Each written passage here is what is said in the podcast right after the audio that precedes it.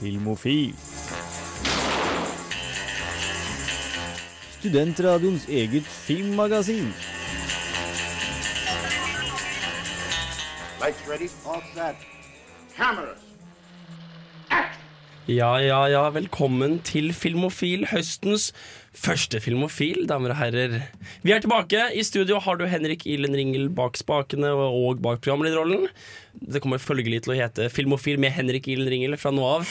I studio har jeg Kristine Rokkan Eriksen. Hei, hei. Jeg har Kristoffer Ervik. Hello. Og jeg har Frida Sveen Hempel. Vi skal prate om hva vi har sett i sommer. Vi skal anmelde både Beatles og eh, As Above As Below. Vi skal snakke litt om filmlåter, vi skal snakke litt om årets beste og verste. Men først så får du rett i øret ditt, som vår elskede lyster. Litt uh, Pressure Damon Marley and Taram av, eh, med Mental Disturbance. Kos deg. Yeah! spine.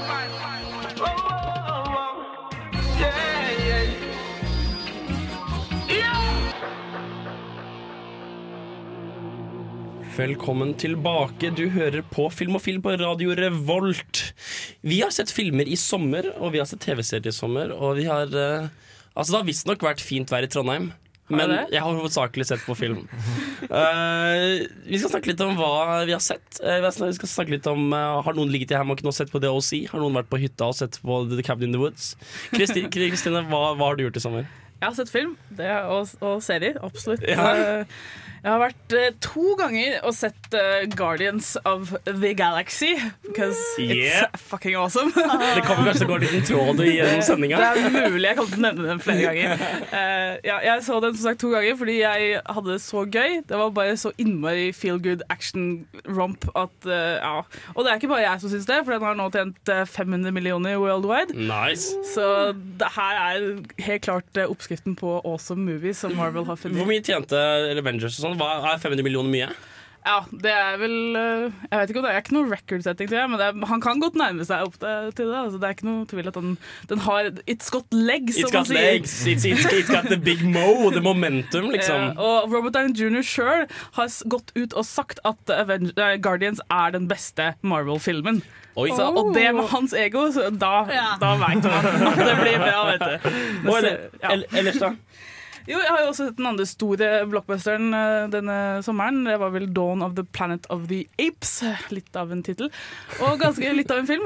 Den var Jeg føler at det var en uh, smartmans uh, actionmovie. Den hadde mye dritkult action. Altså, den hadde liksom uh, chimpanzees on horses with two machine guns, liksom.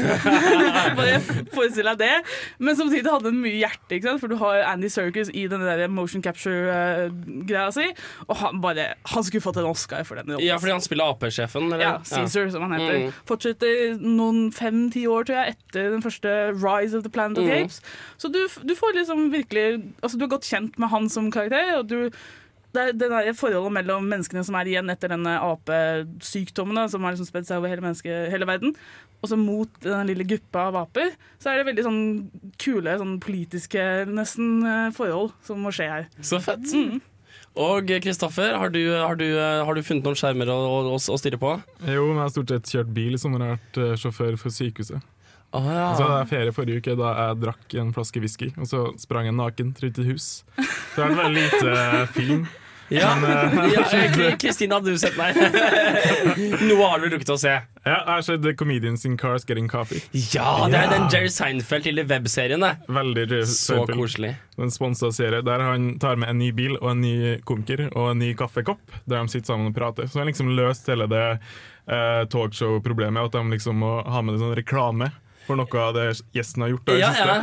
Så i den serien så snakker jeg bare drit og drikker kaffe. Ja, det er dritkoselig. Jeg vet ikke om dere har sett den, Frida og Kristine? Altså, det, er jo, det, er, det. er helt klassisk webcomic, og de første episodene i sesong 1 var sånn 7-8 minutter, mens nå er det nærmere sånn 14-18 minutter. Og det begynner med en introduksjon av bilen, fordi Jerry Seinfeld er jo hardcore bilfan. Så det er liksom Top Gear for Seinfeld. Ja, ja, ja. Og det er en, han- det er en, en eller annen sånn utrolig fin bil, en eller annen gammel Porsche fra 1960, eller en eller annen utrolig fet bil på en eller annen måte. Og så etter at han har fortalt om bilen, og han er ute og cruiser et eller annet sted i New York, New York eller noe, så ringer han opp en kompis, sånn Alec Baldwin eller, eller en eller annen kompis, ikke sant? Uh, George John Stewart er vel i den siste sesongen, tror jeg. Og, og, og liksom Hei, jeg har lyst til å bli med på en annen en kaffe. Ja, det blir jeg. Awesome. Og så er de ute og kjører bil og koser seg. Og snakke drit. Og snakker drit og tar en kaffe. Så det, er, det, er, det er sånn pornshots av kaffe. Det, ja, men det er sant. Jeg blir jo bare veldig glad i kaffe. Når Ja, du får ikke lyst på kaffe? Uh. Altså, det, det er litt, litt det samme som å drikke whisky mens man ser på Mad Men. Yeah. Man må drikke kaffe mens man ser på Comedians in Cars Getting Coffee. Mm. Hvis du er glad i sushi, så er det en eh, sushifilm. Så Og smooth, smooth overgang. Shiro Dreams of Sushi. Å, den er så bra! Ja! Jeg tror faktisk, Hvis folk spør meg på fest hva favorittfilmen min er, så er Giro Dreams of eh, Sushi. Er ikke det en dokumentar? om-? Jo, en dokumentar uh, som handler om en 80 år gammel eh, sushi- sushi-sjef som har tre Michelin-stjerner på uh, Restauranten Ja, restauranten. Og så er det sånn utedo rett utafor. Så det er veldig sånn uklassisk, sånn, veldig utsøkt restaurant. Dritfett. Mm. Vi skal ta og høre en låt til før vi fortsetter med entusiasmen. Dere skal få lov til å høre Au! med Family.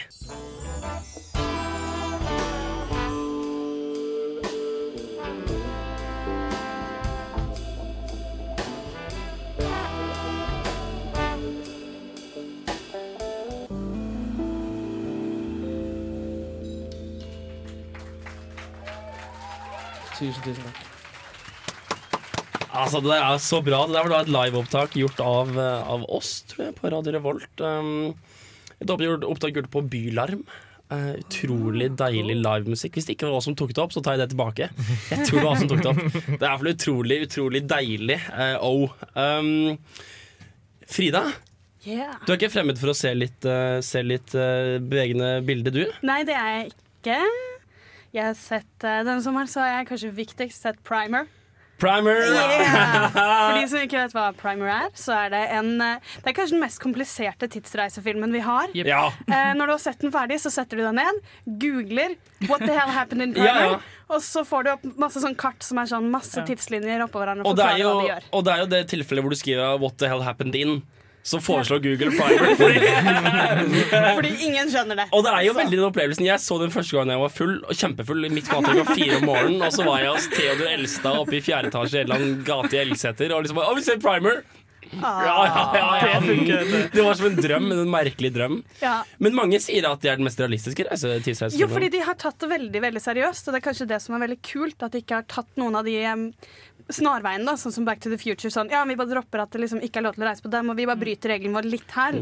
Altså, de, de kjører ikke noe sånn timey-wimey, wobbly-wobbly-greier. De, de tar sitt system, og så tar de det kjempeseriøst, og så holder de seg til de reglene, og så er de sånn fuck deg, du må bare henge med. Ja, men det er helt sånn. Og det er, helt, og det, og det er veldig spennende, egentlig, å se en sånn ordentlig eh, Noe som tar tidsreise seriøst, da. Ja, jeg digger den filmen, fordi du sitter der og så tenker du det her er jo lett, jeg føler det helt fint med. Og så plutselig, plutselig har du falt helt av, og du bare wait, what? Og så må du bare være med til slutten, og så selvfølgelig gå og google. Ja. Det er sånn det skjer med alle, tre. At de alle bare det går lett, det går lett. Ja. Det puff, nei. Ikke noe stress, liksom. Wipe out. Nei, men Det er jo en del tilfeller i den filmen hvor du tenker på sånn øh, fordi han reiste Vent litt. Fordi Men han Nei. Nei. Og så er det liksom mange versjoner av dem, så du vet aldri helt hvem de snakker Nei, nei. med. Og det er bare, ja. Virkelig, virkelig bra Primer film. setter seg. Ja, shit. Uh, og så har jeg sett et uh, Det er vel nesten et TV-show, det er bare det at TV-showet er på YouTube. Så det er et YouTube-show mm. som er hysterisk morsomt. Det heter My Drunk Kitchen. Hva er det? Det, det er uh, basically en jente som prøver å lage mat. Og vi snakker ikke sånn fancy mat, vi snakker prøver å lage toast. Men som drikker og bare blir fullere og fullere. Og hun hater Hun absolutt hater å lage mat. Så det er sånn halve greia, bare at hun står og sipper. Prøver å ta snarveier. Prøver liksom sånn Vi bare gjør sånn, og så bare fucker hun opp så sykt at jeg tror aldri jeg har sett noen være så dårlige til å lage mat. Og det er, det er så flott. eh, ja, det, det er komedie på, liksom, på, Men hvor er det? Er det på YouTube, eller hvor er den? på YouTube. Det er bare å søke My Drunk Kitchen. Hun er liksom YouTube-type person. Okay. ok. Mm. Kult. Virkelig, virkelig bra. Noen nye filmer du har sett i sommer? Eller ikke nye filmer deres, men noen andre, andre filmer? Eh, ikke ny film i det hele tatt, så har jeg sett uh, American Werewolf in London. Oh. Classic. Det Likte du den? Ja.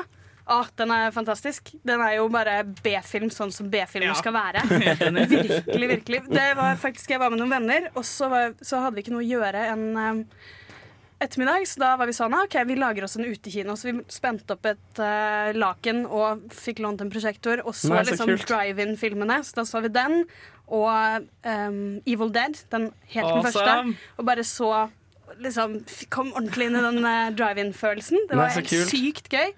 Og American Werewolf in London er sånn på grensen mellom dritdårlig og dritbra. Den er liksom ikke, For den er ikke dårlig Den er ikke kjedelig, i hvert fall. Nei! Åh. Og nå er det en helt fantastisk scene der hvor han vokser over til en ulv. Ja. Åh. Ja, nei. Men, Den skremte livskittet da jeg var liten. ass. men er ikke det en av de filmene der det- er liksom selve eksempelet på hvordan klassisk prosthetics kan gjøre noe guier som Jo. ikke helt klarer? Jo, Det er ja. veldig bra. Det, ja, veldig sånn Den har litt sånn der spesiell følelse. Veldig den Ja. sjarmen til Det er en sånn klassiker som bare er god og liksom har sånn nostalgiske følelser. Og det blir liksom ikke dårlig av å se den igjen. Nei. Apropos sett igjen, eh, en av de filmene jeg så igjen her om dagen bare om igjen, det var først det første jeg kom på når jeg tenker på det. Jeg så Rush igjen. Og det er den der, eh, det er den der Nikki Lauda, eh, James Hunt, eh, Formel 1-filmen. Jeg vokste opp med Formel 1, så jeg er veldig glad i det som en sport. Ikke nå lenger, for det er en gruelig kjedelig sport. Men, men den filmen er dritbra. Og jeg så den igjen, og den er så stram. Den er, nei, det er en bra film, altså. Rush. Fantastisk filmmusikk også. Ja! Og det er bare så enkelt, og det er liksom voiceover, og det er bare Jeg, jeg liker han Jeg, jeg aner ikke hva han tyske skuespilleren heter, men de har, etterlign- altså de har tatt eh, TV-shots Ja. fra tiden, fra krasjet, og bare gjort det på film så, med effekter, og det er Og det er dritfett. Og liksom når du har liksom det klassiske scener fra sånn type kjørefilm hvor de sitter og liksom ruser liksom ved startlinja. I det skuddet går, så ser du originalklipp av at de samme bilene kjører ut i samme startpodiet på samme stedet. Og det er bare så dritfett. Og det er forbløffende eh, realistisk med tanke på at det er gore. Du ser brukne ben og det er Nei, nei, eh, nei skal, eh, vi skal ta og høre litt på musikk. Dere skal få du der du sitter hjemme og hører på, eller i bilen, eller kanskje du sykler. Kanskje du har fått en par nye Bluetooth-hodetelefoner som du liksom går rundt med. Du skal ikke noe sted, du bare har fått en ny Bluetooth-hodetelefoner, så du må gå litt. Uh, du skal få lov til å høre på Spider-God med Get Physical.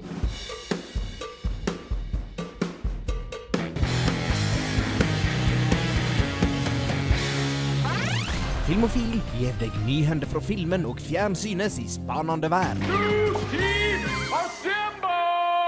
Da er det på tide med nyheter her på Filmofil. Du hører på Radio Revolt. Og vi skal snakke om Emmyer nå i første runde. Det ble holdt Emmyer natt til i forrige I går. Mandag. Natt til mandag. Ja, vi sier det. Vi, la, oss si, la oss si det natt til mandag. uh, jeg har ikke fått med meg så mye av den. Jeg har hørt at Breaking Bad vant det meste. Og at True Detective ikke vant noe særlig. Kristine? Nei, det var eh, Breaking Bad, en av storvinnerne, og selvfølgelig eh, Sherlock. Og takk Gud for det. Ja, det var Stephen Moffat vant for the best writing for a miniseries.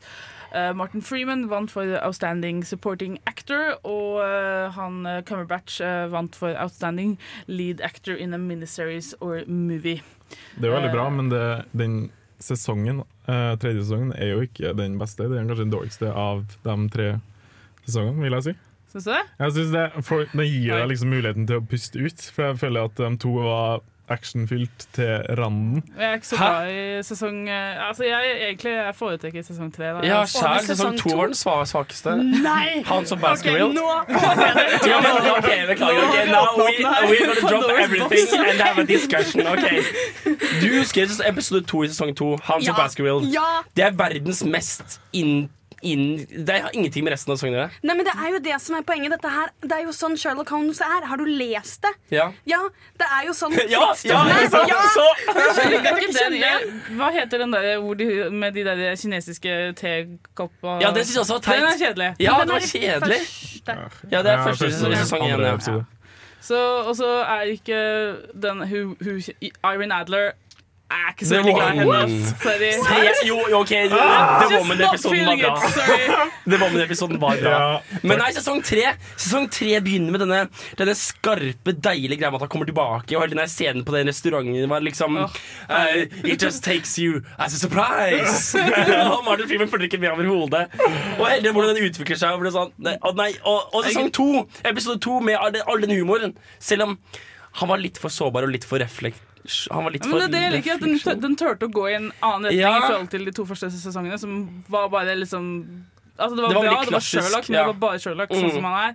Og nå har vi virkelig liksom pushed the envelope. Ikke sant? Nå er vi på vei et sted. føler Og så jeg. er altså, episode én som, som sjonglerer så mye med at, at uh, Hvordan gjorde han det egentlig? Ja, det var kjempebra. Ikke sant? Altså, jeg syns også episoden Eller jeg mener hele tredje sesongen var veldig bra. ro, ro, ro. Jo, det syns jeg, men den kan jo ikke måle seg med sesong to. Men sesong to kunne man ikke tatt igjen. Den var veldig den ene sesongen. Ja, okay, Og for å komme seg videre så måtte du ha sesong tre. Men altså, du kommer deg ikke forbi at uh, The Last Fall eller The Last Stand Hva er den tredje Last Stand? The, the, Fall? The Fall. The The Fall. Takk. Takk. At den var helt fantastisk. Den var Og det var intens. Og det var dritintens. Eh, jeg uh, syns husker at David Fincher vant for House of Cards.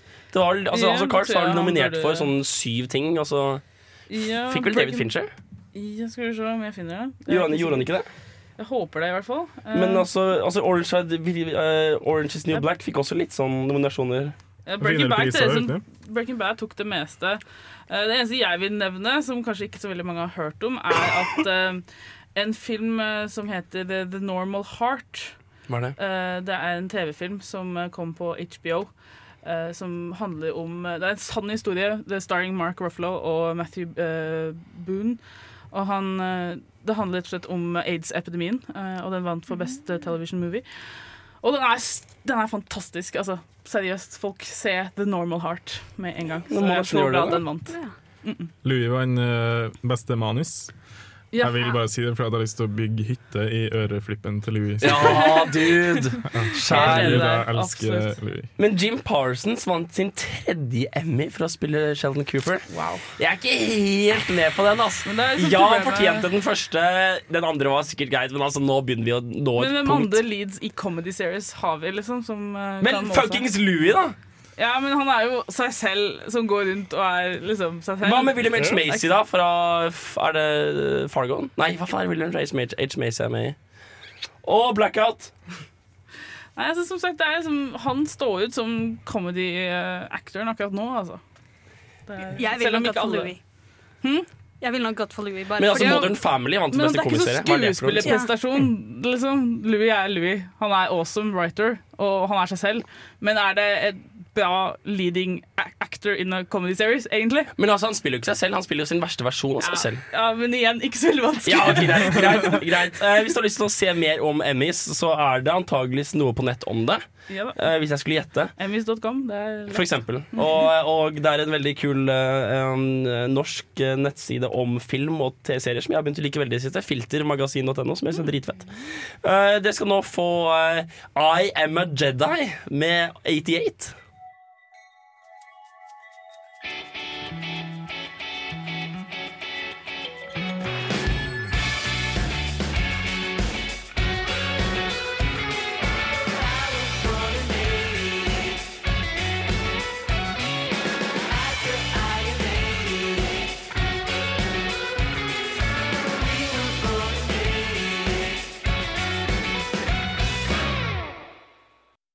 velkommen tilbake til Filmofil. Vi snakker fortsatt nyheter.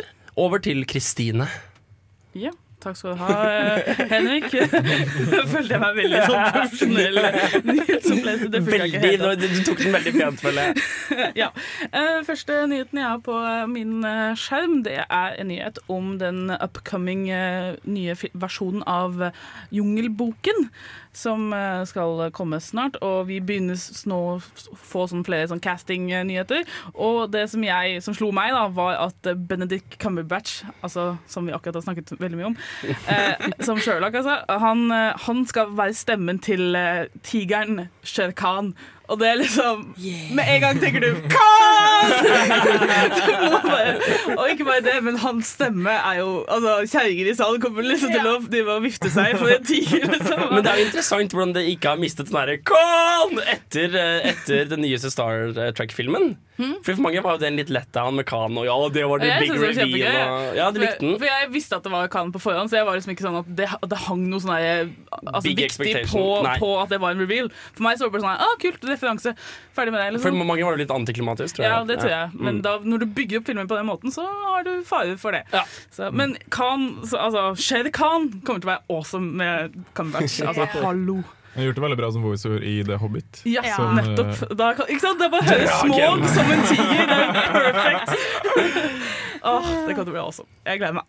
Frida. Ja, jeg har en neste nyhet, som er at uh, vi, har f vi har fått se introen til um, Ronja Røverdatter i Studio Ghibli sin versjon.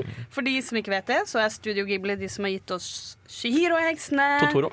House Moving Castle. og uh, Grave of the Fireflies. Ja. Og den som er så trist, og så griner du, og så dør alle, og så ah, fuck deg. Veldig mange bra filmer. Bare helt fantastisk mange bra filmer. Og de prøvde å, å lage et samarbeid med Astrid Lindgren på 70-tallet. Og prøvde å få lage Pippi, men hun ville ikke.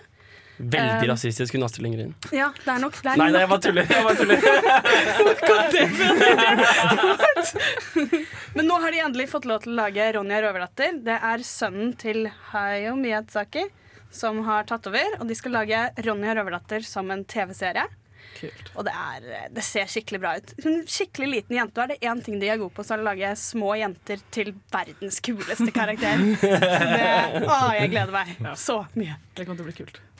Yes, uh, tilbake til meg igjen. Jeg har, uh, jeg har altså, Det har en veldig sånn rykte, da. Jeg veit at man ikke skal, skal snakke om rykter når det er så tidlig, men altså, når et sånt rykte kommer, så fyller, fyller jeg med så håp at du har bare lyst til at det skal være sant.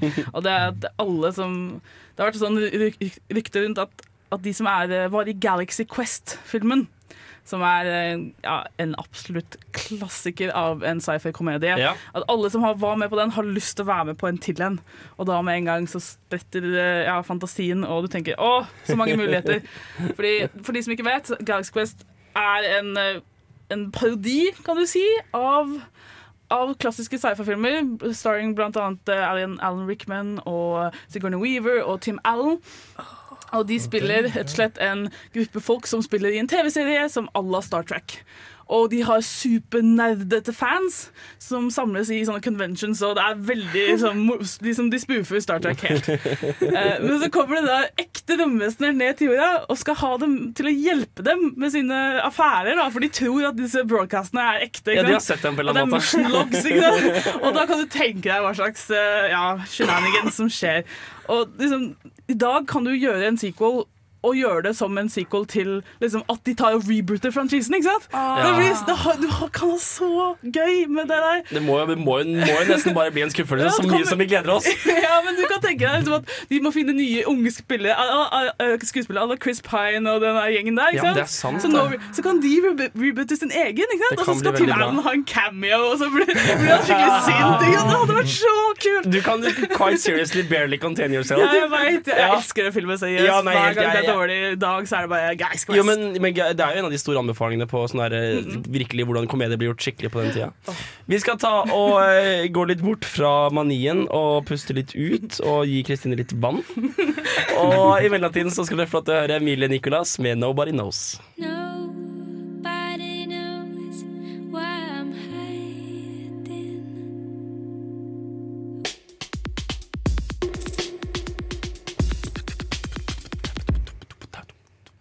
Ja, ja. Ja, ja, beatboxing, altså. Ja, ja.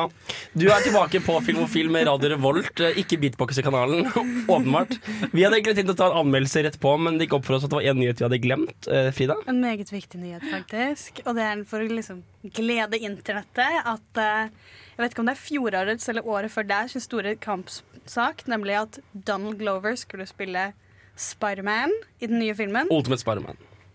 Vi har nå fått en nesten like bra nemlig at han skal få en episode i Ultimate Spiderman. Som Fuck yeah. er litt underlig konsept. Det er masse forskjellige typer Spiderman. Jo, jo, men det er jo hele greia med den er der, TV, med den der sånn. serien der og alle de seriene der, at folk er sorte, og folk er hvite, og folk er ikke det er folk, de, har sånne reboots hele tida, hvor de bare nuller ut hele tingen. og så bare, Ja, nei! Og nevnte det! Han leser tanker! Han leser tanker! Han gjør det! Jeg lover deg! Han har gjort det hele tida. Og det forklarer masse. La oss bare ikke gå inn på det. Se hva som skjer nå. Og, den, og de har da endelig gitt oss det vi har ønsket oss helt siden noen nevnte det og photoshoppet et flott bilde. Eh, nemlig at Donald Glover nå skal få spille Spiderman. Han sier selv at han ikke føler at det er en andre Liksom andreplass. Ja. Det er like bra som alt mulig. Så nå kan han si at han har spilt Spiderman, og vi kan juble.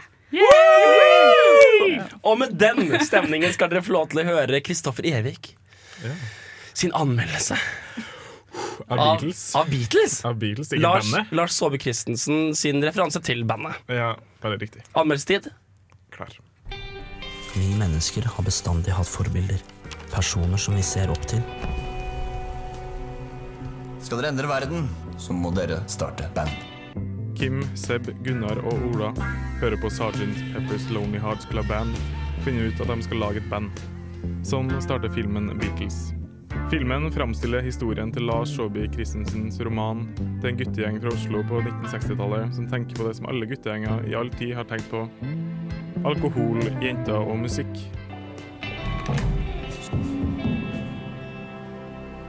At det å bli voksen sånn, det handler om å lytte. Inni deg selv. Og ikke bare til alt det som er utenfor. Kim. Nina. Din egen stemme. Lukk øynene. Filmen Beatles er basert på romanen Beatles. Boka på sin side handler om en guttegjeng på 1960-tallet som prøver å finne fram i Oslo, samtidig som de tråkker seg fram i usikkerhet, en uviss framtid, jenter, et land som blir dratt fra øst og vest, kjærlighet, venner, forbilder, godt og ondt og liv og død. Filmen derimot handler om fire gutter som skal lage et band, og så er det ei jente som er litt varm og litt kald. Da skal vi starte med å si velkommen til en ny elev. Cecilie.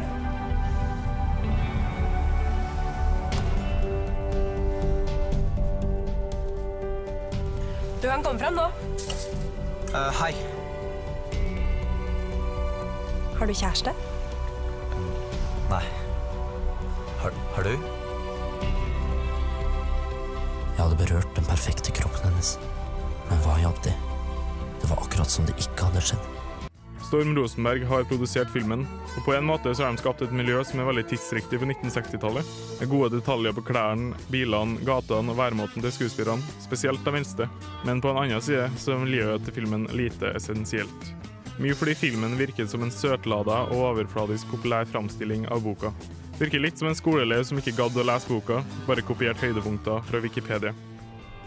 Det er lett å se i ettertid at alt vi ikke sier til hverandre, er mer enn det vi får sagt. Alt jeg skrev, og alt jeg kommer til å skrive, er bare en halv brøkdel av det jeg prøver å få frem. Filmen har også en lei tendens til å bruke montasjer. Ikke i Rocky Balboa-tradisjonen, der de går rundt og bygger muskler, men opptil flere ganger når de skal lage musikk, eller se på jenter, eller bare når de er vanlige ungdommer.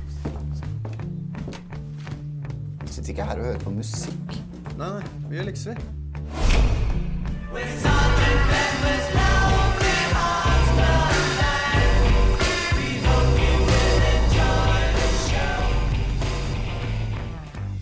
Kanskje jeg er feil fyr til å sende på en film om en bok jeg liker veldig godt.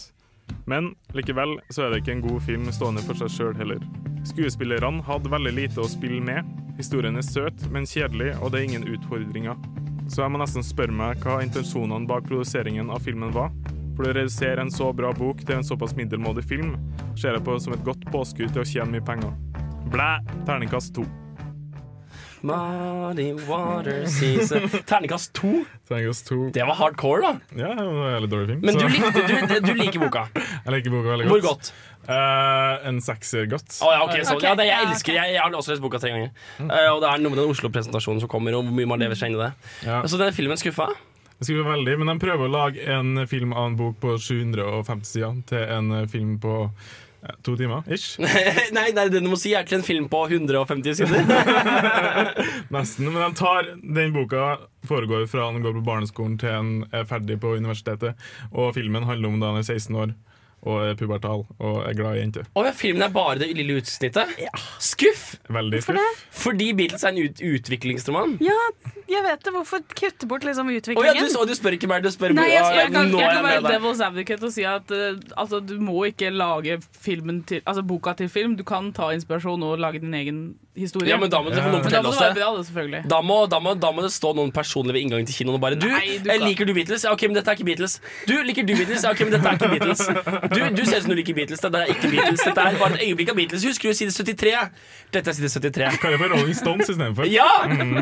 Men altså, hvorfor da velge historien om en 16-årig pubertal gutt? For det én oppveksthistorie man har hørt dritmange ganger, så er det om 16-årige Ja, pubertale for det var gutter. sikkert ikke så verst hun dama, eller? Nei, det er veldig fin. Men det er liksom alle norske 80-tallsfilmer som er liksom kjærlighet og sånn, som er laga i 2014, og det er så veldig skuffende. Ja, nei, uffa meg. Eh, men altså, eh, jeg klarte ikke å lese Halvbroren, men det ble en miniserie av Halvbroren. Mm. Det kunne det jeg vært gjort her òg. Det kunne jeg gjort her? Beatles, for Da kunne jeg dratt det litt lenger og brukt forskjellige skuespillere til Kim Carlsen, som er hovedpersonen. Og så kunne jeg liksom lagd det mye bedre. Ja, for det har vel vært litt utvikling og litt tid til å la dem bygge karakterene, på en måte. Veldig riktig. Og litt saktere. Eh, Det hørtes jo ut fra traileren som det var veldig sånn De prøvde å holde det litt litterært for, fortsatt. At de Mm. er sånn Jeg så på henne. Og så jeg på henne. Jeg hadde rørt henne. Jeg hadde rørt en kvinnekropp. Akkurat der ble jeg litt, litt helt rundt klagen, egentlig. Det er sånn klein sjarm som er veldig fint med Lars Ove Christensen, som er har tatt med et par plasser der de tar hverandre på nesa, og så er det litt sånn småerotisk på sånn 16 år gammel måte. Eh, men eh, ja, men kunne jeg gjort det bedre. Ja, det er fordi Dere i Bokbaren er ikke, dere, dere er ikke helt totalt ukjente med småerotiske neseberøringer, holdt jeg på å si. Nei, nei, vi tar på nesa hele tida. Ja, det er det Bare jeg sånn vi tenker. klarer. Sånn, det er sånn bare hoppe fra treeren og du, uten å få vann i nesa, så gjør vi det. Det er sånn Nei, vi men gjør jeg tenker, jeg tenker at um, Det er jo den kjedeligste biten av boka, så det er kanskje ikke en stor overraskelse. Men hvem skrev den? Lars Ove Christensen. Nei, jeg mener hvem skrev filmen? Bjarne Nei, jeg vet ikke. Inke Vi kan kalle den for Christensen. Bjarne. Bjarne? Ja. Ja, ok, Så Bjarne var, Bjarne var kanskje en fan, men ikke så flink til å lese? Ja, men Han har så veldig lite av eh, boka i filmen. Han tar med veldig mange nye ting. Det er en slange, som ikke, eller sånn orm, giftig orm, som er med i filmen, som ikke er i boka. Det er liksom da han vinner hjertet til hun Cecilie. Who Det hørtes helt, helt jævlig ut. Nei, Kristine, siste ord. Nei, jeg skulle bare slå opp hvem som hadde skrevet den, med han som har skrevet Elling. Men Elling var jo bra. What? Ja, den liker Ja, Men han har skrevet mye annet skitt, altså. Ja, ok, Så Elling var bra, han ble fornøyd. Ja, ok, Nei, men uh, Vi hadde satt pris på at noen lagde en miniserie av den. Eh, mens dere gjør det, så skal vi uh, varme opp til neste anmeldelse. Men først skal dere få bitte litt musikk. Eh, du hører fortsatt på Filmofil, og det er vi veldig glad for. Jeg håper du koser deg. Eh, Du hører fortsatt på Radio Revolt. Det håper jeg også du koser deg med. Selv om det er vanskelig å gjøre det ene uten å gjøre det andre. liksom Ben Howard med I Forgot Where We Were. Mm, hey, I wasn't listening. I was watching Syria, blinded by the sunshine strip. Yeah.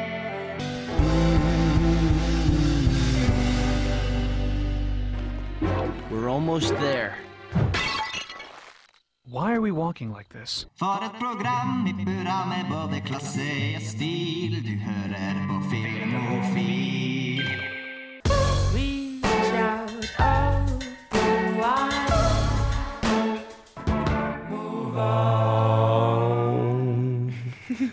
Eh, Skal det være en ny greie? Ja. Du hører på Filmofil, du hører på Radio Revolt. I studio så er det Henrik Kristoffer. Kristine og Frida! Herregud, så vi koser oss. Eh, jeg driver og risetter litt for time nummer to her, nemlig. fordi klokken slo akkurat ni her på vår livesending. Hvis du hører på podkasten, så er det irrelevant. Kristine, du har sett eh, As Above As Below. As above, so below. Ah, da har jeg skrevet feil på sånn syv steder her. eh, har, du noe, har, du noe, har du noe intro til anmeldelsen, eller skal vi bare rulle på? Bare rull på, du. 370 feet beneath this point is a hidden chamber that might contain a critical missing piece of our history. How are we supposed to get down there? Catacombs. Katakombene under Paris er kilometerlange, mørke og full av skrekkfilmpotensial. As above, so below tar oss med ned og slipper oss ikke ut før vi har hatt en opplevelse. Scarlett er en ung arkeolog som har arvet sin fars jakt etter de vises stein av alle ting. Reisen tar henne og hennes venner til Paris og katakombene. En labyrint av menneskeknokler, bisarre hendelser og ren klaustrofobi. There are 200 miles of tunnels right underneath our feet. They're holding the remains of 6 million corpses.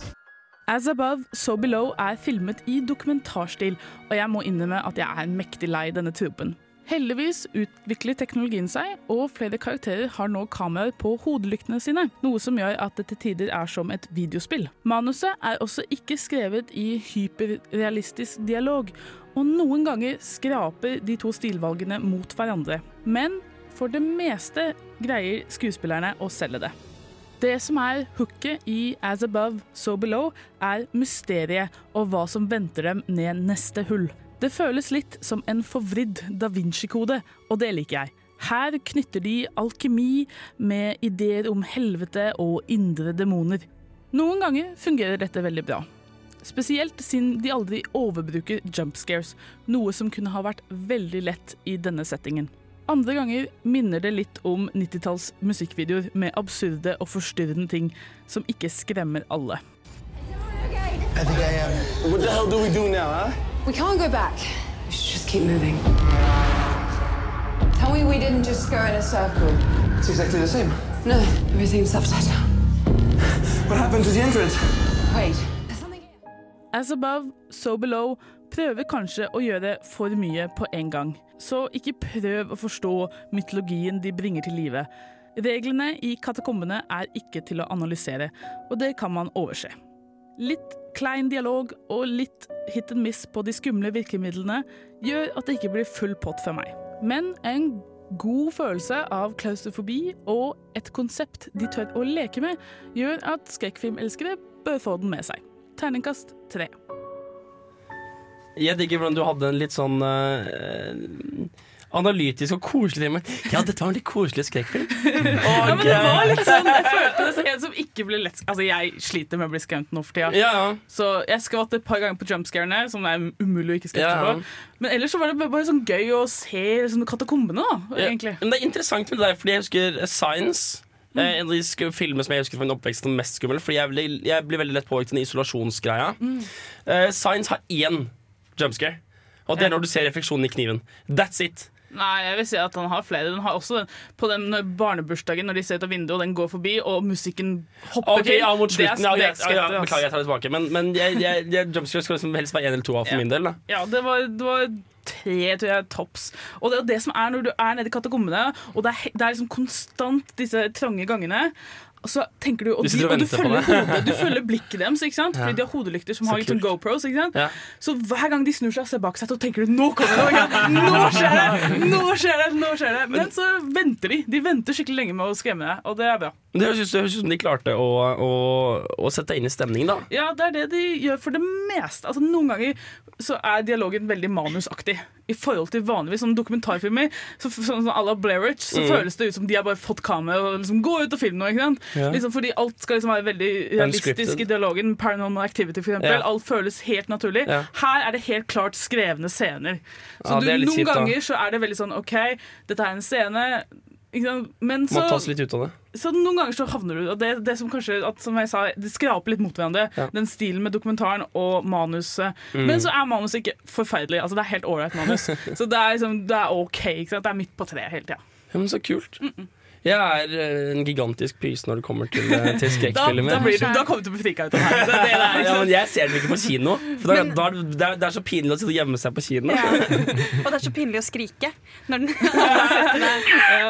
Var det folk som skrek i kinosalen? Gjør folk det? altså, når jeg ser den, så er det jo, altså, det er jo to-tre ja. andre Ja, på, sant. på, på Pressevisning. pressevisningen. Ja, okay. Så jeg tror ikke han fra filmpolitiet Da, da, blir, da blir du outa på film ledd så jævlig. Men nei, jeg, jeg, skatt, jeg skvetter veldig sånn stille. Liksom, jeg bare rykker til. Så, Men ellers så var det bare gøy å ha den der Klaus-følelsen. Altså, det er veldig rart å si. Gøy Men som superfan av eh, Dan Brown, Ja. eh, hvor mye sånn mytologi og sånn er det? Det er liksom veldig mye, nok til at man gidder å tåle jump scares? Dan Brown? Si det. Nei, altså, det er bare sånn à la Dan Brown i at Å, de skal okay. finne fram til de vise stein. Mm. Og så forklarer hun De vise stein? Ja, altså, Det er- det er Harry Potter. sånn. Det er Ja, Harry altså, det er jo ikke mm. fra ja. Harry Potter, men det er i Harry Potter. Dumbledore gjemmer seg ikke i katakombene i Paris. Men eh, ja, det er altså de vise stein som de leter etter. Faren hennes har liksom lett etter hele livet, og nå er hun liksom på jakt. Og de, de har, og finner clues, og så skal de tolke dem. Liksom, veldig sånn à la Dan Brown og, Ja. Eh, det, eh, ja, og Da Vinci-koden. også. og, Eller alle andre Jan- Dan Brown-bøker. ja. så det at De må forklare reglene til hvordan liksom, de, de drar inn ideer om helvete og de syv, eh, syv lag, sånn Dantes Inferno-aktig greier. Så det er en greie det, er, det, er, det er ganske gøy, altså. Men altså, det er jo, jeg vil si apropos Dan Brown, det er Inferno, Angels and Demons Ja. og Grilskoden. Alle tre har samme formelen. Nei, Ja. ikke Inferno. Hva heter den der hvor de er i Amerika, oppe i obelisken i Amerika? Den, Det tapte symbol. Ja, det er akkurat samme boka. Men det, her Ja, er ja, er liksom, det, er liksom, det er det pluss skrekk, da. Så det er liksom Oh meeting meeting of those two. Og så er det selvfølgelig i Katakomben i Paris, og det er absurd, creepy sånn tablåer av De går rundt et hjørne, og så ser de noe sånn helt bisarr, liksom. Å, så fett. Nei, nei, det høres ut som vi må ta og finne fram eh, filmlerretet til Frida og sette opp i hagen. Yeah. Og ha filmkveld. Oh, yeah. Eh, I mellomtiden så skal vi ta høre på eh, Torgeir Valdemar med 'Streets'. Du hører på Radio Revolt og Film og Played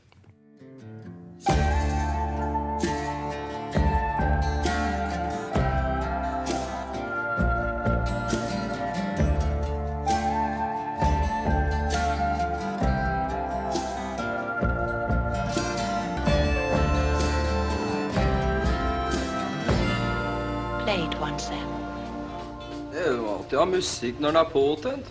Helst noe indisk eller pakistansk. Ukas filmlåt. Og vi kjører på med klassiske sjangere. Og i tråd med sommerfilmer. Kristine, Yes. hva er ukas filmlåt? Det er en låt som jeg har tatt fra det helt fantastiske soundtracket til Guardians of the Galaxy. Because it's awesome! Eh, nei, Because altså, Guardians of the Galaxy. Alle har jo hørt hvert fall noen av låtene, sikkert, fordi reklamene har gått så ofte på, på TV og kino. og hele pakka. Det er jo den, den mest kjente er 'Hooked on a Feeling', bla, eh, den versjonen av Blues Swede. Eh, som, det, er det, det er ikke ukas låt, fordi den har folk hørt til døde. Men den er også for det! Altså. Eh, altså, jeg må bare nevne andre awesome låter i, i, uh, i soundtracket. 'Spirit in the Sky', uh, 'Fooled Around and Fell in Love' eh, og 'The Pina Colada Song'. Altså, det er kjempegøy. Men hele det soundtracket er- jo ganske høyt oppe på Spotify. Ja, det er kjempepopulært. Det er ikke, jeg tror ikke det er på Spotify, faktisk, men det er i hvert fall, selve al albumet er kjempehøyt på lista i USA. Det er jo en ganske viktig del av filmen, denne mixtapen den har med Awesome Hva er den heter? Awesome Mix eh, Volume 1. Ja, Awesome Volume 1. Som bare er så Det er så ofte feil oppå actionscenen at de yeah. spiller The Pina Colada. Kjempegøy. Men av hele, låta, så, eh, av hele albumet så har jeg valgt eh, Cherry Bomb av The Runaways, fordi det er så girl power, ass.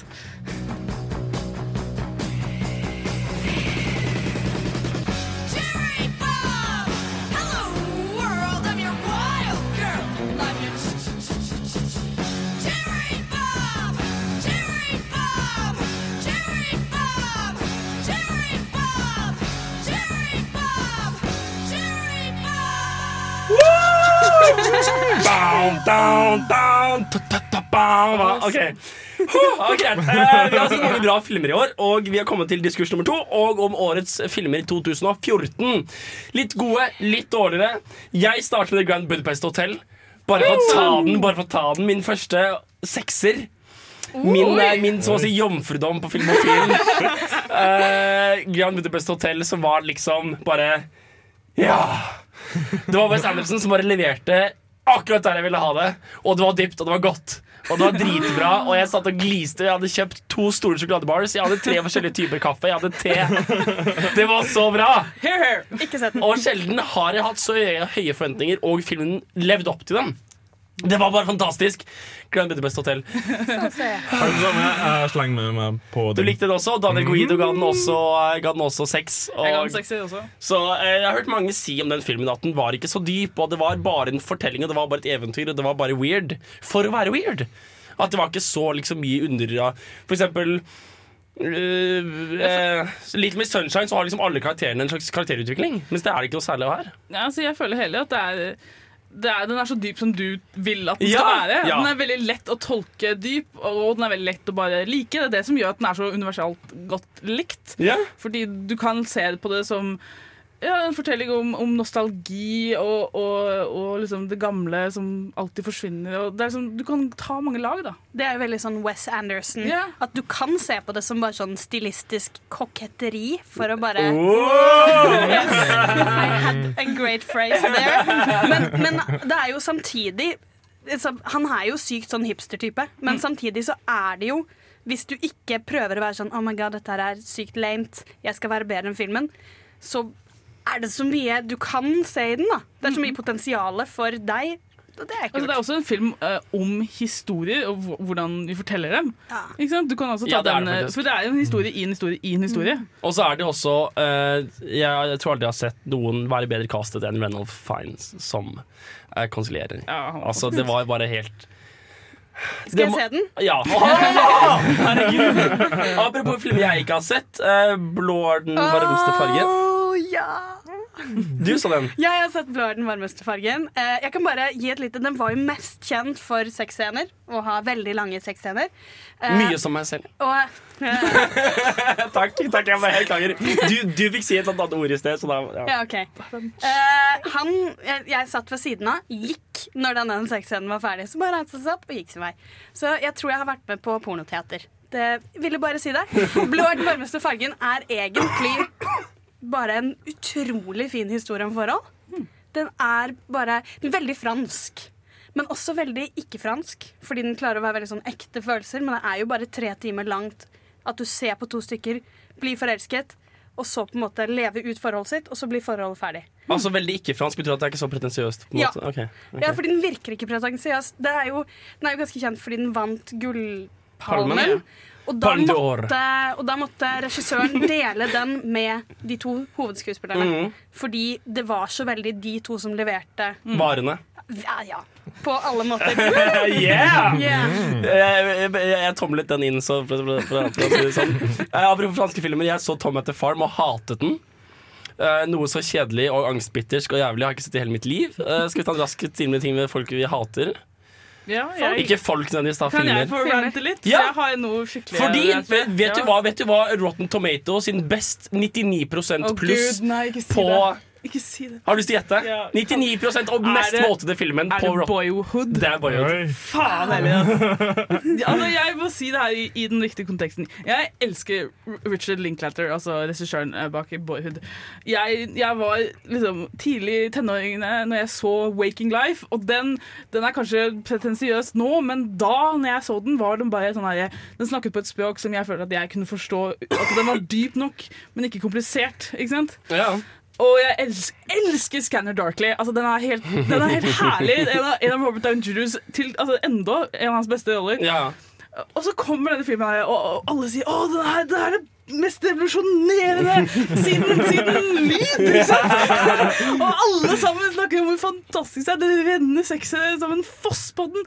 Og så jeg, sitter jeg der, og så, så, så konseptet er jo at han har filma denne filmen over tolv år. Så alle skuespillerne eldes. ikke sant? Har, de har hatt sånn, Hver sommer så filma de litt og litt og litt. ikke sant? Og det høres jo kult ut. Og det er jo det. Du ser at guttungen blir eldre. Og det er liksom Oi! Ikke sant? Wow! Så, men så etter hvert skjønner, skjønner du plutselig at hele filmen hviler på dette konseptet. Egentlig så er det ingenting annet i filmen som er spennende. Bortsett fra det. Å, nå, nå ble han litt eldre! Å, så du det? Ikke sant? Nå, nå, ble han litt eldre! Sjekk, sjekk, sjekk, sjekk, jeg, og så tenkte jeg midt i filmen at jeg kan få samme effekten av å se på hele Harry Potter-franchisen, liksom. Hva er, det, hva er egentlig Hva er det mer jeg får av denne som jeg ikke får av å se på alle sesonger av Two and a Half Men, liksom? For å se guttungen der vokse. Ja, Hva er det egentlig jeg får ekstra av Boyhood som jeg ikke får andre Så du ble kort sagt ikke grepet? Nei. Nei. Ja, guttungen er irriterende, og han, han vokser til en helt pretensiøs hipster douchebag etter hvert. altså. Vet dere hva? Vi, vi skal ha en liten callback til Jarle Bernhoft, og så skal vi prate videre om musikk. Det er faktisk So Many Faces fra Ceramic City Chronicles. En av mine yndlingsalbum, faktisk, for det er bare så bra. Ja, i hvert fall musikk.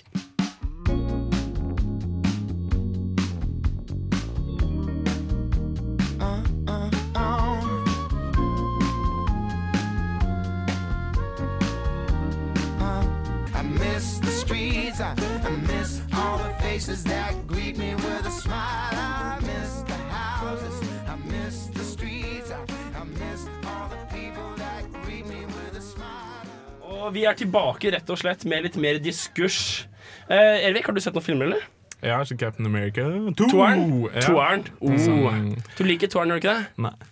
Jeg er glad i toeren, men jeg er ikke glad i toeren. Du er ikke glad i toeren? Nei. Problemet med Captain America 2 er at jeg ikke skjønte uh, motivasjonen til skurken, som jeg ikke skal si navn eller hint hvem som var det i den filmen. Det er veldig åpenbart når jeg sier Jeg kan forklare til deg etterpå hvis du vil. Ja, men det var så Åh, Det som, nei, altså, det som du kan heller si, er at det skjer noe så enormt stort for, Mar for den verdenen i denne filmen her, for Marvel-universet. Så, og så kommer det sånn out of nowhere, fordi ingen av de forrige filmene egentlig hinter til det i det minste at det her har skjedd. At det har jo foregått over en veldig lang periode også. Altså, Ja, men så det, Nå det, kan, det det er et ordentlig, et ordentlig sånn eh, egentlig. Men motivasjonen hans skjønte jeg. Det var bare, men heller det der OK, hvor kommer dette her fra, liksom? Men likte du den så godt? Nei, Nei, jeg syns den var ganske dårlig. Ja, den var litt kjedelig. Ja, og hva mer? Jeg husker ikke helt. Har du noen andre filmer? Eh, jeg har sett første, nei, første episoden av den nye Doctor Who. Altså, Uh, jeg syns uh, nei, jeg, ikke er så glad i, jeg er så glad i Matt Smith, så jeg føler at alt etter Matt Smith blir bare Mwap, mwap, mwap. Føler man ikke det Er ikke det Dr. sånn Who. Du må, Jo, det er du må gå videre. Du må Men jeg var egentlig ikke så glad i David Tennant, så Vet du hva som overrasket meg? Det var at Edge of Tomorrow var bra.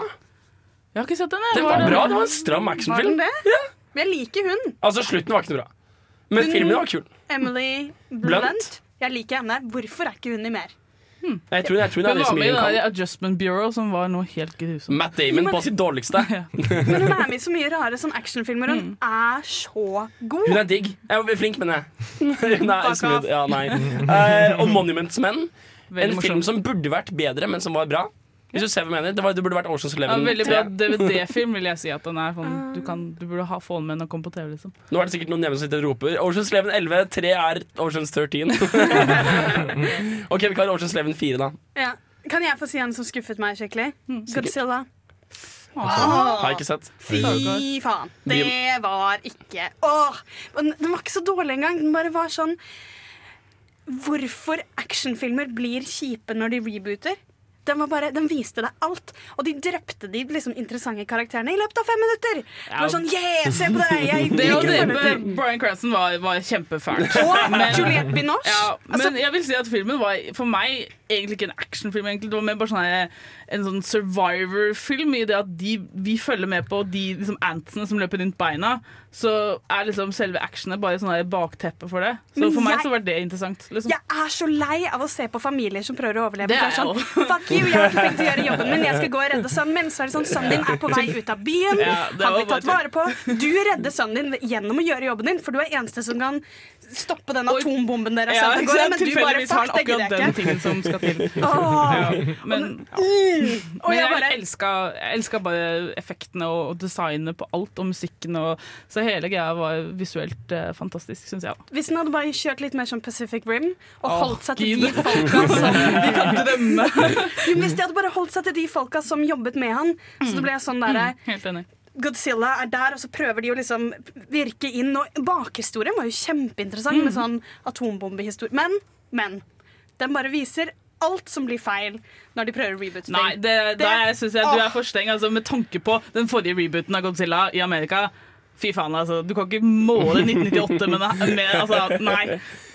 En film som overrasket med å være bra, er Lego-filmen. Ja! Awesome. Everything is awesome. Everything is awesome! Ja, ja, det var en kul film. Den overrasket med å være så høy kvalitet og være så gjennomført. Dere må, må ha den på Blu-ray og se på Directors Commentary og alt det. De har jo til og med en Batman-musikkvideo til sangen hans. Det er så gøy! Ja, men det er forbløffende nok en film der du kan komme tilbake og se masse sånne detaljer som skjer i bakgrunnen. og sånn etterpå Og alt, alle brikkene i den filmen er ekte legoklosser som kan, du kan kjøpe i virkeligheten. Det er Ah, så digg. alt sammen er bygd liksom, i datamaskinen, men ordentlig bygd, liksom. Så det er liksom nerding bare på en hel Eh, Var det noen som eh, så Ida, andre enn meg? Ida, den polske nonnen som drar til, eh, drar til eh, Nei, eh, utrolig billig vakker film. Eh, Hvis noen eh, kjeder seg en kveld, så kan de omfavne kjedsomheten ved å se den filmen. Det var veldig, veldig koselig. Eller ikke koselig, vakker film. Og kan jeg bare nevne en av de siste årenes beste filmer som faktisk var i år? Er det, oh, har ikke det lov? Ok, greit, ja. Det er Her. Ja. Å jo! Åh. Jeg har ikke så hard on for her, egentlig. Eh, jeg vet ikke helt hva greia var. Jeg tror Jacqueline Phoenix har fått litt opp i halsen. Er det lov? Nei. Nei, Nei. jeg synes ikke det. Det er klart. Nei. Bare nei, glem det. Så du, så du dokumentaren om han? I'm still here? Nei. Nei, det hjelper ikke. Nei, ikke se den, da.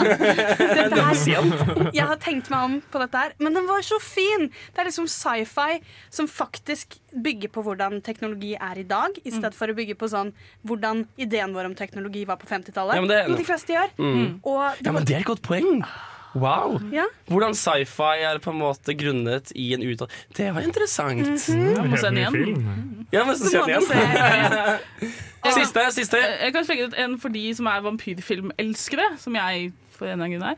er. Eh, Only Lovers Left Alive. Uh, Var den bra? Den var hysterisk morsom. Fordi, og det, det er bra på en måte, fordi han er så altså, Det er Tom Hiddleston, som vi elsker som Loke. Mhm. Han spiller denne utrolig herlige hipsterpretensiøse drittsekken av en vampyr. Og det er bare hysterisk morsomt å se på han sitte på en mørk klubb med solbriller på. Det er bare så gøy! Så ikke ta det seriøst, så kommer du til å ha det kjempegøy. Og så er det Tilda Tilda Sweden spiller eh, hun kona. Hun er fantastisk. Ja, hun er hun ser ut som en vampyr til vanlig. Det er perfekt, liksom. Så, og John Hurt er med. Og det, altså, det er bare så gøy å se disse her folka som, eh, som diskuterer om, om mennesker er verdt å liksom observere da, og Mm. liksom leve for, for de lever for kulturen og musikken og liksom bøker og sånne ting. Så det er liksom to forskjellige livssyn, da, og så er det bare pretensiøs bullshit, egentlig, men det er gøy. Det er jo sånn Jim Jarmusch Ikke har det med å være litt Ok, sånn greit, nå må vi gi oss. Jeg forstår at vi kanskje skulle brukt litt mer tid på det her, men vi må liksom leave them wanting. Og vi har nå fått noe vi alle har lyst til å se, så vi har noe å gjøre i natt. Jeg har i hvert fall noe å gjøre i natt. Uh, Jack White har gitt et nytt album med den nye singelen The Fastest Record Ever. Ble spilt inn og utgitt på fire timer. Under Record Store Day i 2014, og det er en dritfet låt. Nå får dere Lasaretto med Jack White.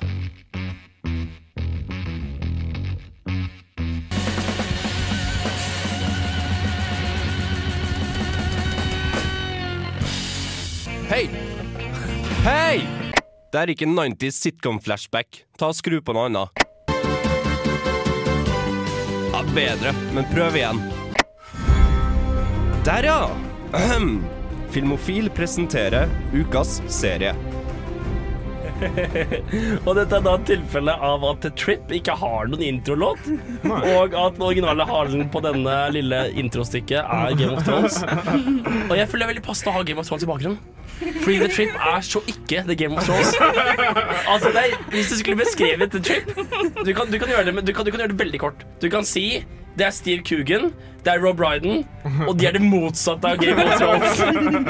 De reiser rundt i England og er idioter, og det er ingenting stilfullt over dem, og det er ingenting episk over dem, og det er ingen historie, og det er ingen familier, og det er ingen navn, og det er ingen karakterer som dør. Det er tørt og De bare britisk og dritdeilig. Det er dritdeilig, og det greia er da at The Trip The Trip. Du, har, du liker The Trip, Kristoffer. Ja, jeg har sett begge sesongene. Første sesongen så drar de rundt i Frankrike og skal liksom anmelde mat. Nei, første sesongen drar du rundt til England og skal anmelde mat. Ja, Frankrike. For da har jeg jo sex med en eh, fransk Det er eh, resepsjonist. Nei, Er det det er i? Italia. Det er bare to sesonger. Andre sesongen er de i Italia, første i Frankrike. Men la oss ikke dvele ved det, kjære det jeg Henrik. så feil? Ja, men det går bra. Eh, men de spiser mat, og de snakker dritt, og de eh, um, Nei! Jo! De er i Nord-England i Nei! sesong én! Se på Wikipedia, da! Se på Wikipedia, da! Northern England. Read it and fucking weep. Uh, ok, nei, ikke enig. Uh, ja, men noen Uansett hvor de er. Ja. De kjører rundt og har en utrolig koselig en liten restauranttur. Mm. Hvor Steve Coogan har fått i oppdrag å skrive restaurantanmeldelser for liksom finere lille småreiser. Mm. Og så har han ingen andre, så han tar med seg Rob Bryden. Som er sånn halv, halvkompis, liksom. Ja. Det er liksom ikke egentlig ordentlig kompis. Det er sånn halvkompis, De kjenner hverandre sånn halvveis, men det er ikke uklart på om de liker hverandre. Nei, de spiller på en måte seg sjøl, sånn som andre folk ser dem, tror jeg. Ja.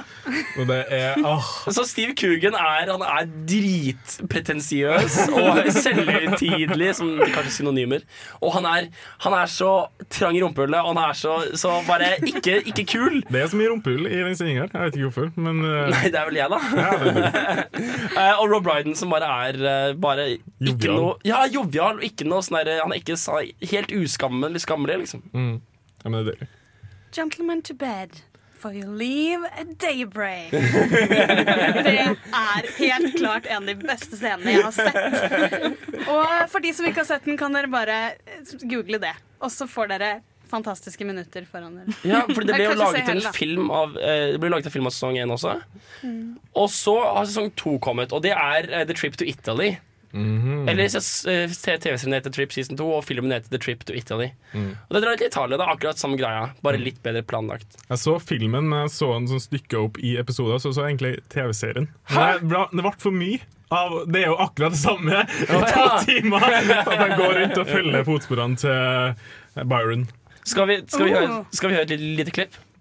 Skal vi høre det? Er folk med? Jeg er med. Oh, hey. Listen, the Observer want us to do more restaurant reviews. Really? But this time in Italy. And they'll fly you to Europe. Well, first class.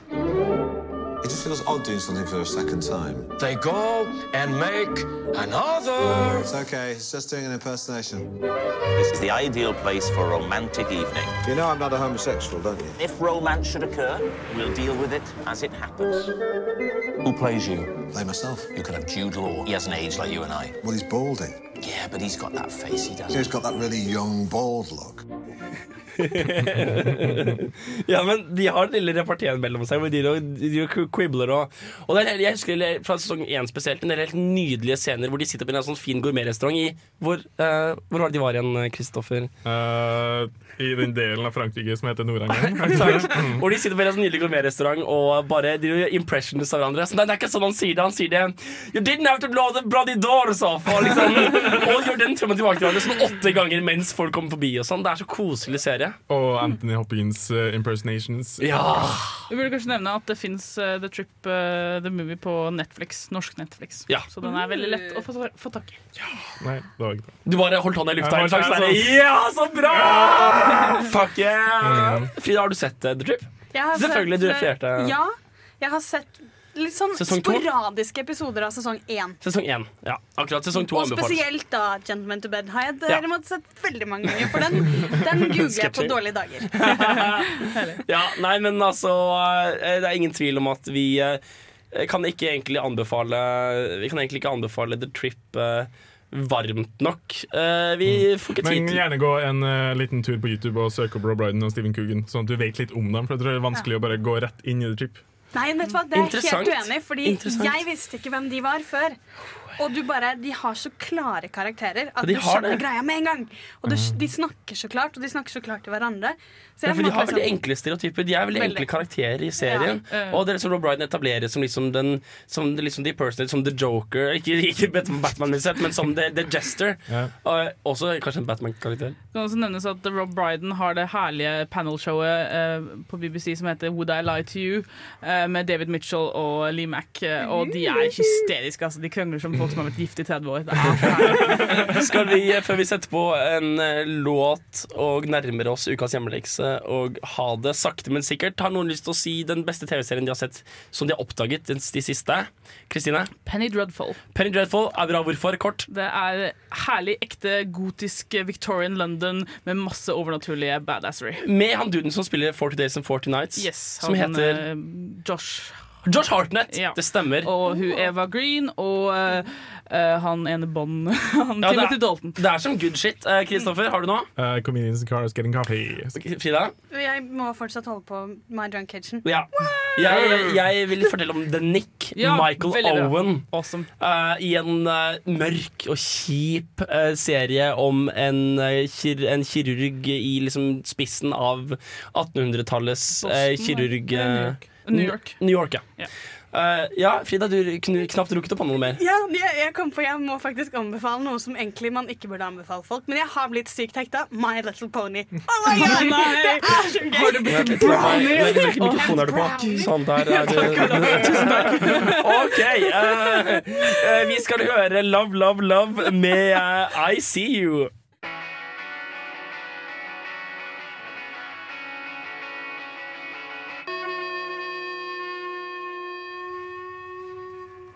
Og da tar vi tempoet litt ned, og stemningen litt ned eh, for her i neste siste stikk. Så legger vi opp til neste ukes eh, sending med ukas hjemmelekse. Eh, fordi det er da Dead Poets Society som skal ses neste uke. Yes, Det er jo selvfølgelig fordi Robin Williams gikk bort. Noe som jeg tror aldri har vært så påvirket av, av dødsfallet til en kjendis før. Det var veldig trist. Eh, Så, Så- da må vi ha en tribute. Neste, neste uke blir tribute-sending. Da skal det være tema å være Robin Williams og hvor mye vi elsket han. Um, så hvis alle som hører på, ser uh, Dead Poets Society neste uke og koser seg med den og setter pris på det geniet som er Robin Williams Jeg må bare få si at når man ser på Hvis folk aldri har sett Dead Poet Society, så er det viktig å huske at dette er en film fra 1989, og det er en film om Altså det er en oppvekstfilm, så du må se det liksom med dine te- tenåringsøyne, ikke sant? Mm. Den derre troen på at poesi kan si noe helt fundamentalt om livet, liksom. Det syns jeg er veldig viktig å huske når man ser den filmen, for da blir man virkelig inspirert. Mm. Det har et innhold. Eh, hvis du, uh, vår kjære lytter, skulle få lyst til å høre på masse annet uh, og se på masse annen Robin Williams-ting, så har han en del veldig gode standup-shows som jeg anbefaler deg å se til neste uke. Han har noen veldig gode, kule filmer. Han har en TV-serie som heter Mork and Mindy. Han har um, en film som handler om selvmord, som The World's Greatest Dad fra 2009 eller Han sånn. dukker også opp i en episode av Louis. som Det gjør han, som, som, også var- handler om død. Yep. Og hvor de sier til hverandre at uh, you will, I'll come to yours if you come to mine. Mm. Så er en podkast som heter What the fuck, der han uh, Prater om selvmord også. Uh, Som er veldig, veldig godt. God. Men, Mark Maron sin What the Fuck-podkast nummer 82 et eller annet, tror jeg. jeg er ikke helt på sikker. What the fuck og Robin Williams. Og den ligger på YouTube, den What the Fuck-podkasten med Robin Williams. Um, han har også en veldig kul uh, Inside the Actors Studio-intervju Mm. uh, fra 90-tallet en gang. Så da skal vi gjøre vårt øh, ja. Ytterste for å gjøre vår, vi skal gjøre vårt ytterste for uh, hva vi kan for å hedre en av i hvert fall mine yndlingshumorister gjennom tidene. Mm. Vi skal ta det litt ned og kose oss med James Blake, Retrograde. Uh, håper du koser deg her på Filmofil.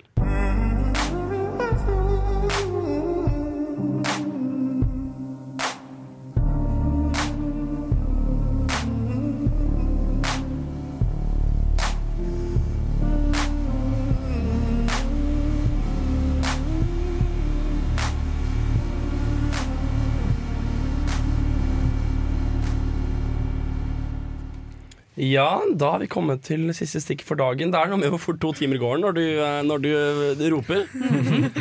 Uh, I dag så har vi i det hele tatt hatt det veldig bra. Jeg føler at vi har eh, truffet bakken um, rullende. Uh, vi har Herlig norsk, altså. Gratulerer deg med den. Jo, takk. Uh, vi har hatt diskusjon om hva vi har sett i sommer. Der har du fått mye anbefalinger. Det er bare å sette på halv hastighet og høre gjennom igjen. Eh, vi har hatt litt Filmofil-nyheter. Vi har hatt Beatles-anmeldelse, der Kristoffer Ervik elsket Nei, vent, er omvendt. Hatet Beatles med terningkast en, Jeg ga den en lunken toer. en lunken toer. hva lunken betyr. Men Hva skal til for at du gir én?